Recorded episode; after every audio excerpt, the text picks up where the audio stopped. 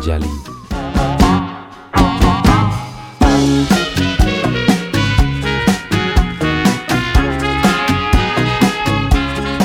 Benvingudes i benvinguts al carrer Patanjali. Us parla Gabriel Balleste. Avui tractarem el sistema nerviós simpàtic i el sistema nerviós parasimpàtic i entendrem quina relació tenen amb el ioga i amb el nostre benestar.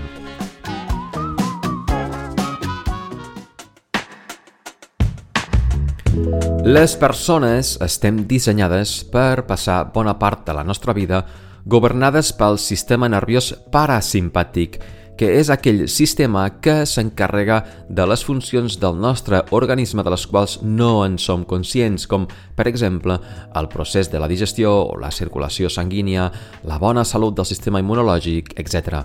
I també és el sistema encarregat de mantenir-nos en estadis de calma, de relax i de bon humor. Però, al món occidental, la realitat és una altra. I degut a la intensitat de les nostres vides, estem diàriament connectats a estats d'ansietat i d'angoixa.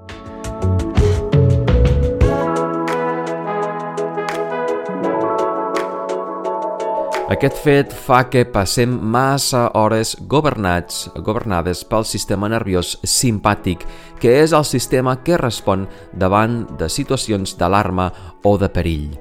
El sistema nerviós simpàtic està dissenyat per tal que puguem respondre amb rapidesa si, per exemple, de cap i volta girem la cantonada i davant ens trobem un lleó famolenc.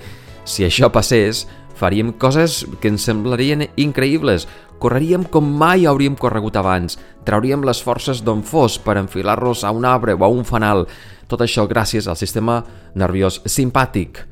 Quan som sota aquest govern, sota el govern del sistema nerviós simpàtic, el nostre organisme segrega tot un seguit de substàncies químiques que acaben sent nocives, tòxiques. El problema és que sistema nerviós parasimpàtic i sistema nerviós simpàtic no entenen de pactes. O governa l'un o governa l'altre. Llavors ens convé passar el major temps possible sota la influència del sistema nerviós parasimpàtic. Quins són els requisits per un govern parasimpàtic? Doncs una activitat mental calmada i focalitzada. Què seria el contrari? Una ment activa i dispersa. Aquest és el requisit per un govern simpàtic, que per cert, de simpatia en té poca. És per aquest motiu que la sana, la postura del ioga, no és una finalitat. El ioga no acaba les postures increïbles i perfectes que podem veure en milers de comptes d'Instagram o de TikTok. No, no, no. La sana, la postura del ioga, és una eina per activar i mantenir-nos governats pel sistema nerviós parasimpàtic és un entrenament per viure des de l'alegria, l'harmonia i la pau interior. En seguirem parlant al proper capítol.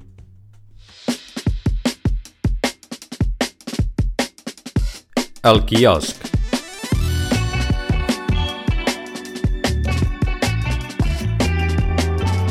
Avui al quiosc tractarem sobre com integrar la respiració dins de la sana o de la postura del ioga.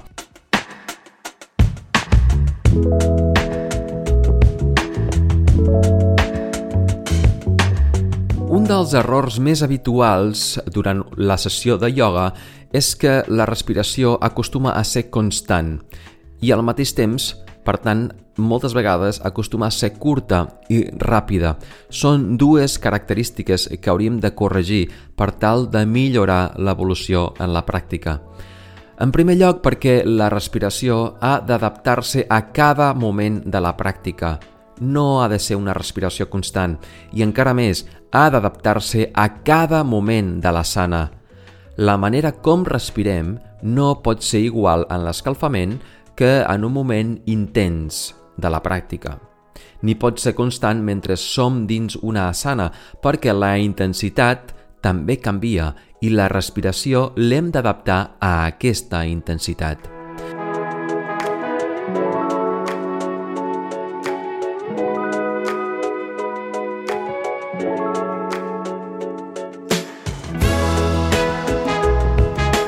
A més a més, una respiració curta i ràpida ens porta a una freqüència cardíaca constant i elevada. En conseqüència, com ja vam veure al capítol anterior, la nostra activitat mental també serà elevada. Què vol dir?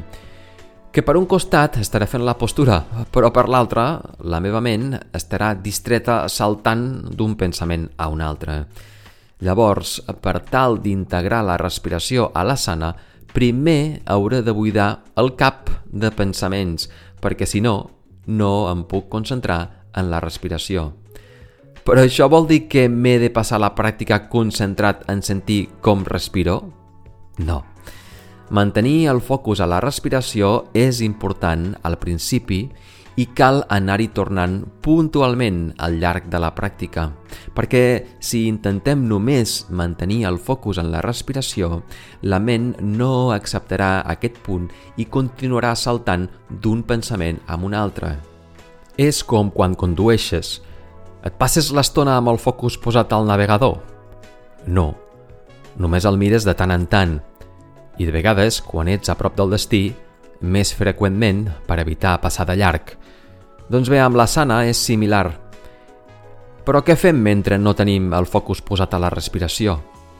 Si no tinc la ment ocupada, aquesta se n'anirà a fer allò que tant li agrada, saltar d'un pensament a l'altre, provocant busos de pensaments, la resposta al proper episodi de Carrer Patanjali.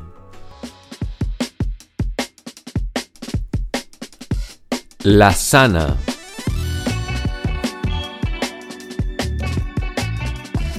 Parlem de Uttanasana, o postura de la pinça.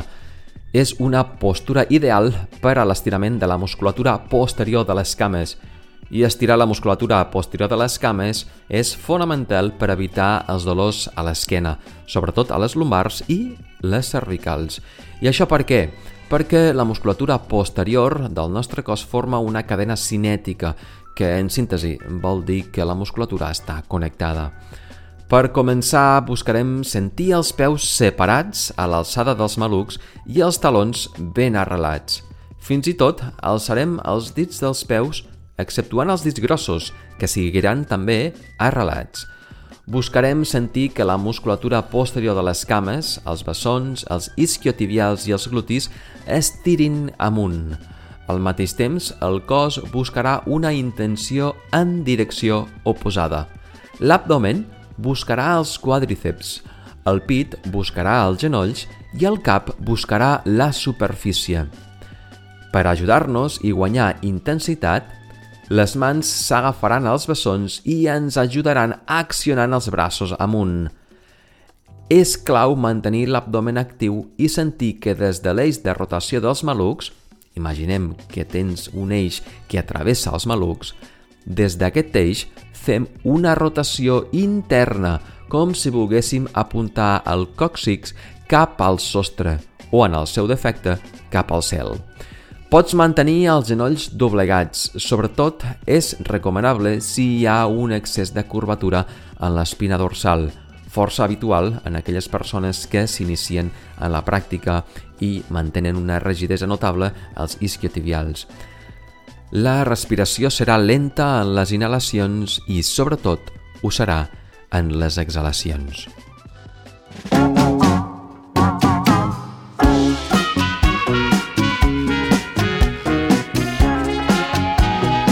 una vegada més, moltes gràcies per haver confiat en aquest podcast sobre el ioga. Espero que t'hagi estat útil, espero també trobar-nos en els propers capítols.